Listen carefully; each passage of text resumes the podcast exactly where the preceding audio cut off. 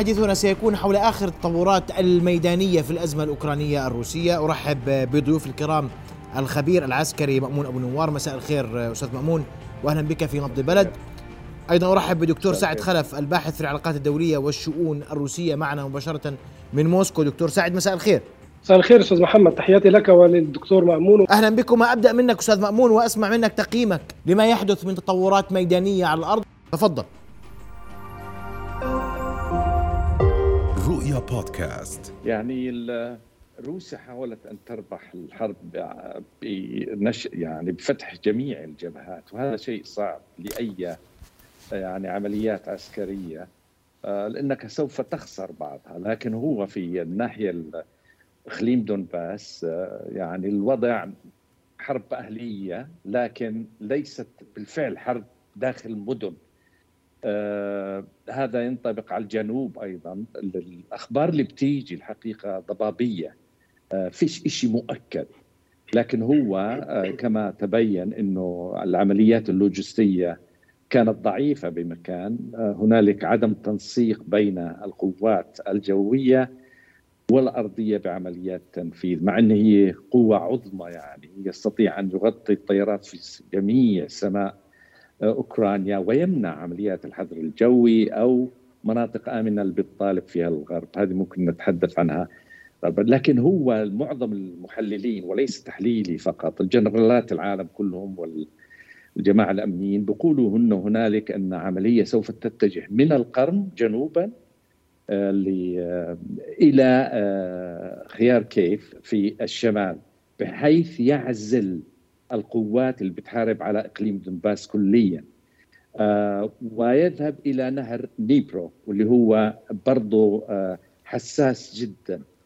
لكن الهدف تبعه هو الأساس يعني حياته هي كييف. يرغب أن يحصل على كييف ويتمدد نحو الناتو ليسدل الستار الحديدي الأيرون كيرتن يسمى بالحرب الباردة. وممكن أن يحصل هذا. الآن هو العمليات القادمة حاسمة برأيي.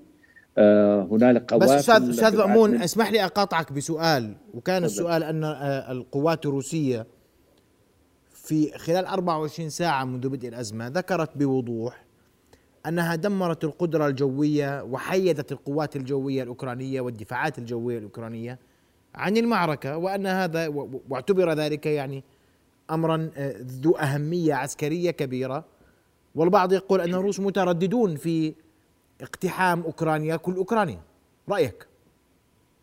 لا هو لو إنه دمر كل وسائل الدفاع والطيران كله كان أصبح عنده سيادة جوية مطلقة.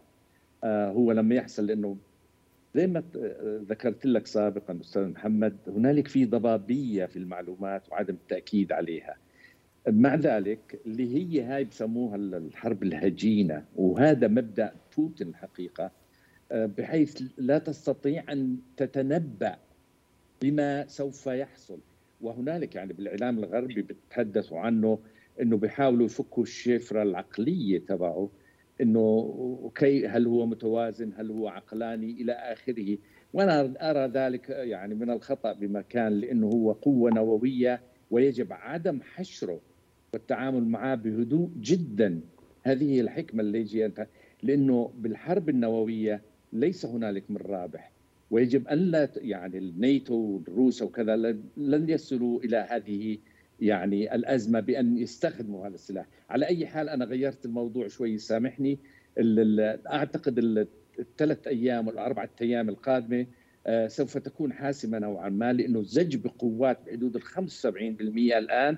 وأتوقع أنا أتوقع إنه راح يعمل حصر أو تطويق لكييف ليصل إلى تسويه. إذا لم يحصل على ذلك سوف يضرب عمليات الأرض المحروقة ولذلك هو يريد أن يحصل على كييف لانها هي مركز الثقل اللي كل جميع عناصر القوة تبع أوكرانيا موجودة هناك. طيب. آه واضح مامون سأعود لك سأعود لك في هذا الإطار العسكري وعند وما تقصده بحرق الأخضر واليابس اذا إذا ما لجأ بوتين والروس لهذه لهذا السلاح إن صح التعبير. دكتور سعد الحديث كل الحديث عن المفاوضات التي بدأت في بيلاروسيا عن بين روسيا و وأوكرانيا والحديث إنه هل من تطور هل من أمل منظور للعودة خطوة للوراء عن هذه الحرب أم أن هذه الحرب مستمرة؟ لا رجعة فيها. أسمع وجهة نظرك دكتور سعد. يعني في رأيي أن هذه الحرب مستمرة إلى أن تحقق روسيا أهدافها التي وضعها الرئيس بوتين منذ البداية. بحسب فهمي لعقليه الرئيس بوتين هو رجل هو رجل جاد للغاية هو رجل استراتيجية وعندما يضع استراتيجية معينة هو يحاول هو لا يعلنها يضع الهدف وهو يتحدث ويبدأ بالتفاوض هو لم يرفض التفاوض منذ البداية سواء حول مسألة توسع الناتو إلى الشرق وهذا التهديد الرئيس الذي يراه بوتين تهديدا لروسيا وخاصة مساعي الناتو لضم أوكرانيا بعد الإعلان إعلان جورج بوش الإبن في عام 2008 عن قبول جورجيا والناتو على أن ذلك لم يتم بشكل فعلي بدأ هذا التوتر يزداد في العلاقات إلى أن وصلنا لما وصلنا إليه اليوم. بوتين عندما أعلن هذه العملية العسكرية أنا كنت واثقا ومتاكدا أنه لن يرجع فيها حتى يحقق أهدافه والآن بعد هذه التطورات التي نلاحظها ودخول البلدان الأوروبية على خط الأحداث في أوكرانيا بشدة على الرغم من أن الرئيس بوتين في خطابه الذي أعلن فيه بدء هذه الحملة العسكرية حذر بشدة من أن دخول أطراف أخرى إلى هذه العملية أو محاولة إعاقة روسيا عن تنفيذ هذه الأهداف سيكون علي سيكون رد روسيا عليه ردا قاسيا. وبالأمس أو الأمس تحديدا رأينا الرئيس بوتين يستدعي وزير الدفاع ورئيس هيئة الأركان وبشكل استعراضي على الهواء مباشرة يأمرهما وليس يرجون بل يأمرهما بوضع القوات النووية قوات الردع الاستراتيجي الروسية في حالة التأهب القصوى وهذه إشارة خطيرة. هو بالطبع لن لا يعتزم استخدام هذه الأسلحة الآن ولا ينوي ولا أعتقد أنه قد يلجأ لذلك أو أو أن الأمور قد تصل إلى ذلك على الرغم من أنني لست محللا عسكريا وأعتقد أن الأستاذ مأمون يستطيع القول أو البت في ذلك أفضل مني لكن مع ذلك أستطيع القول أن هذه هذا العمل أو هذا الفعل من جانب الرئيس لكن دكتور سعد اسمح لي اسمح لي أستوقفك نعم دكتور سعد نعم يعني نعم. قد تكون روسيا راهنت على عدم وجود دعم أوروبي بالأسلحة والعتاد لأوكرانيا بهذا الكم. قد تكون اعتمدت لا البعض اسمح لي اسمح لي البعض اعتقد أن روسيا لم تقرأ المشهد بشكل جيد ولم تعلم أن أوروبا ستتحد بهذه الطريقة لمواجهة هذا الهجوم الذي تصفه أوروبا بغير المبرر على أوكرانيا. يعني أنا أتفق معك أستاذ محمد في شق وأختلف في شق آخر في مسألة توريد الأسلحة وأن روسيا لم تكن تتوقع ذلك لا أعتقد ذلك لأن الولايات المتحدة الأمريكية وبريطانيا وبعض البلدان الأخرى كانت تورد الأسلحة لأوكرانيا منذ بداية منذ أكتوبر الماضي أو منذ بداية نوفمبر تحديدا عندما بدأت هذه الحملة حملة الاتهامات الغربية وخاصة من جانب الولايات المتحدة ومن جانب بريطانيا بأن روسيا تعد لعمل لعمل عسكري شامل ولغزو شامل لأوكرانيا. كان هناك تباين في الموقف الغربي أي أقصد بالموقف الغربي موقف الولايات المتحدة ومعها بريطانيا وبلدان أوروبا الشرقية التي تكن العداء والكراهية لروسيا لأسباب تاريخية لسنا في وارد تفصيلها الآن وبين موقف البلدان الأوروبية الرئيسية التي كانت تتسم بالحكمة والعقلانية كألمانيا، فرنسا، إيطاليا والتي تربطها بروسيا مصالح اقتصادية كبيرة وقوية للغاية. هذه البلدان الأوروبية الرئيسية كانت تدعو للتهدئه وراينا الرئيس الفرنسي إيمانويل ماكرون يتواصل مع بوتين في مكالمات هاتفية عديدة ومتكررة بل وزار موسكو ورأينا المستشار الألماني اولاف شولز أيضا زار موسكو وكانت كان وجودهما في موسكو يعني يوصف بأنه مساعي لتحقيق حلول دبلوماسية أو سياسية غير أننا مثلا رأينا الموقف البريطاني. أتت وزيرة الخارجية ليز تراس وأتى وزير وزير الدفاع بن والاس وكانت زيارتهما فاشلة لأنهما استخدما لغة متعالية هنا في موسكو ولم يرق موسكو ذلك بالطبع. بعد ذلك تطورت الأحداث ورأينا الرئيس بوتين يتخذ القرار بإعلان استقلال الجمهوريتين اللتين هما الآن محط هذا الصراع وهذا الخلاف الكبير الذي نشهده الان والذي يتطور في اتجاهات لم يكن أحد يتوقعها ورأينا بعد ذلك قرار الحملة أو العملية العسكرية الخاصة التي تتطور الآن لتتحول من مجرد حملة عسكرية إلى نطاقات أخرى وأعتقد أننا سنشهد خلال الأيام المقبلة تطورات خطيرة في هذا المسار. وأنا أتفق هنا مع الأستاذ مأمون في أنه خلال الأيام القادمة ستتضح الصورة هل هذه العملية ناجحة أم لا. ونقطة أخرى أود الإشارة إليها هنا في أن كييف لها رمزية خاصة. يعني الهدف الرئيسي الذي أعلنه الرئيس بوتين من هذه العملية العسكرية هي إسقاط النظام الحاكم في كييف الذي يصفه الرئيس بوتين أو الذي يصنفه على أنه شلة أو ثلة من مدمني المخدرات ثلة من النازيين الجدد الذين يشكلون تهديدا خطيرا للشعب الأوكراني في المقام الأول وللدولة الروسية الجارة طيب دكتور سعد الوضع الأمني في هذه المنطقة سأعود لك نعم. في هذا نعم. في هذا في هذا الباب وخلينا نتفق أن الأصل أن الحملة الروسية بدأت لحماية مناطق أعلنتها روسيا مناطق مستقلة ومن ثم تطور الأمر وأن الغرب حذر من اجتياح لأوكرانيا وأن روسيا نفت ذلك ثم دخلت أوكرانيا وهي أسئلة يطرحها العالم أجمع وسأسمع من الأستاذ مأمون. تقييم كيف سيكون التطور الميداني على الأرض وتقييم الخسائر الروسية والخسائر الأوكرانية في هذه المعركة التي تخاض. كل ذلك وأكثر سنواصل الحديث في مشاهدينا بعد فاصل قصير. ابقوا معنا. أهلا بكم من جديد. أعود ضيوف الكرام وحديثنا حول التطورات السياسية والعسكرية.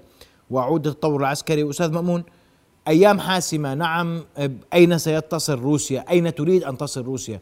تكتفي بكييف أم تكمل على كل أوكرانيا؟ واثار ذلك عسكريا. ماذا استفعل ماذا بيد الناتو ماذا يملك العالم؟ إن صح التعبير لمواجهه هذا آه، آه، التصرف الروسي. نعم أبلش من الأخير يعني نستعرض الأخير إنه الناتو لن يتدخل. آه، الحرب النووية استبعدها طبعا كليا لأنه عملية إنه نشر يعني وعطى استعداد قتالي عالي لقوات النوويه هم في حالة استعداد أعلى درجات في الوضع الحالي وأيام العادية يعني. آه، نفس الشيء الأمريكان هي عبارة عن كبسة زر هذول يعني راقبين بعضهم بشكل آه، كثيف جدا ودقيق جدا. فأي صاروخ بنطلق بيلتقوا الصاروخين بالجو يعني الروسي أو الأمريكي أو الناتو أو دول الناتو اللي بتحمل آه، صواريخ نووية. فأنا أستبعد ذلك أستبعد أي حذر جوي. حذر جوي تعني حرب عالمية ثالثة نفس الشيء مناطق آمنة تعني حرب عالمية. بالنسبة للجبهات الآن الجبهة الشرقية كما ذكرت لك أستاذ محمد إنه سوف يحاولوا تطويق وعزل آه، القوات الأوكرانية على إقليم دونباس وخاركاف وماربول في في الجنوب. آه، نيبرو نهر نيبرو بيجينا بجهة الغرب. كيف؟ كيف؟ هون الآن في عملية سوف يحصلوا على عملية تطويق على ما أعتقد يعني هذا ما أستطيع يعني أن أقوله بهذا الخصوص إنه والله أعلم سوف يقوم بإحاطتهم.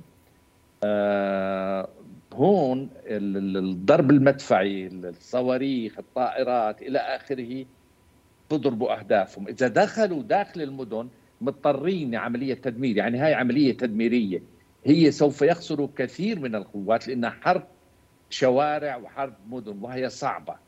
آه، ليس بالسهولة اسمح لي أقاطعك أستاذ مأمون إلى متى يمكن القوات الأوكرانية أن تقاوم؟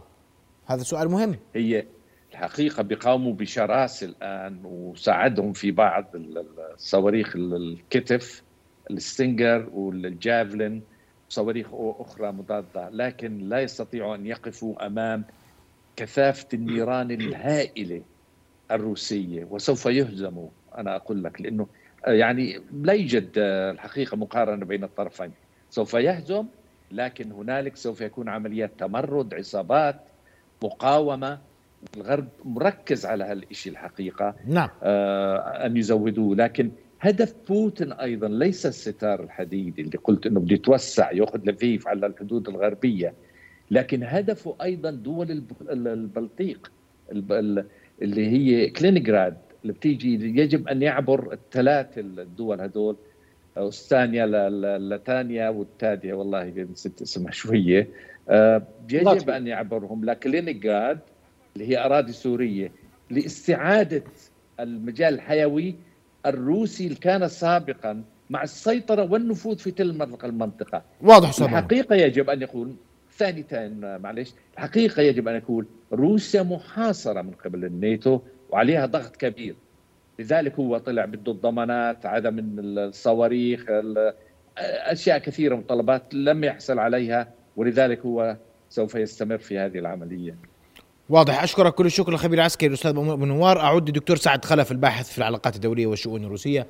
دكتور آه، سعد كنت تحدثت قبل الفاصل عن موضوع الاقتحام آه، الروسي والغزو الروسي والدخول الروسي اوكرانيا والخسائر الروسية إذا حتى اللحظة لم تعلن روسيا رسميا عن كم الخسائر التي آه، حصلت بين قواتها جراء هذه العملية العسكرية. مع أنها كانت تتحدث أنها لن تدخل أوكرانيا وأنها تؤمن مناطق فقط. استقلت ووافقت هي على استقلالها. رأيك؟ لا أعتقد أن هنا علينا أن نفرق أن هناك روايتين تصدران فيما يتعلق بالتطورات الميدانية وبما فيما يتعلق كذلك بالضحايا من هذا الطرف أو ذاك.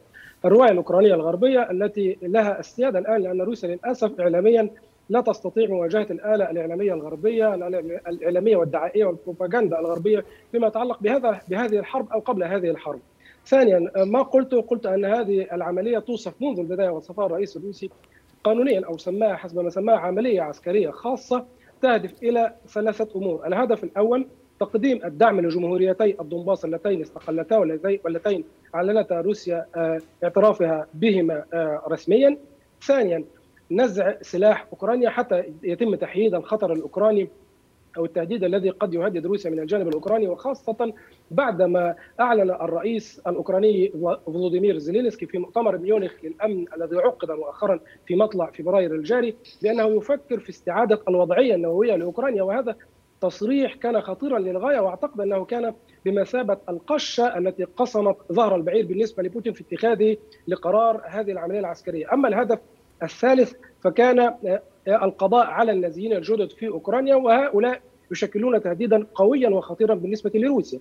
حتى أننا إذا عدنا لمسألة تأمين الدنباس كان آه، أعتقد أن بوتين كان يمكنه أن يكتفي بتأمين هاتين الجمهوريتين لولا أنه كان يعرف جيدا أو آه، حسب ما أيضا صرح بذلك أنه فهم أن المقاومة مع القوميين النازيين الأوكران ستحدث إن عاجلا أو آجلا ويبدو أنه في إطار هذا التصور لأننا لا نعرف بالطبع كيف يفكر الرجل لكنه يبدو أن لديه معلومات كثيرة ويبدو أن لديه أفكار وهو لا يتراجع عن, عن قرار اتخذه.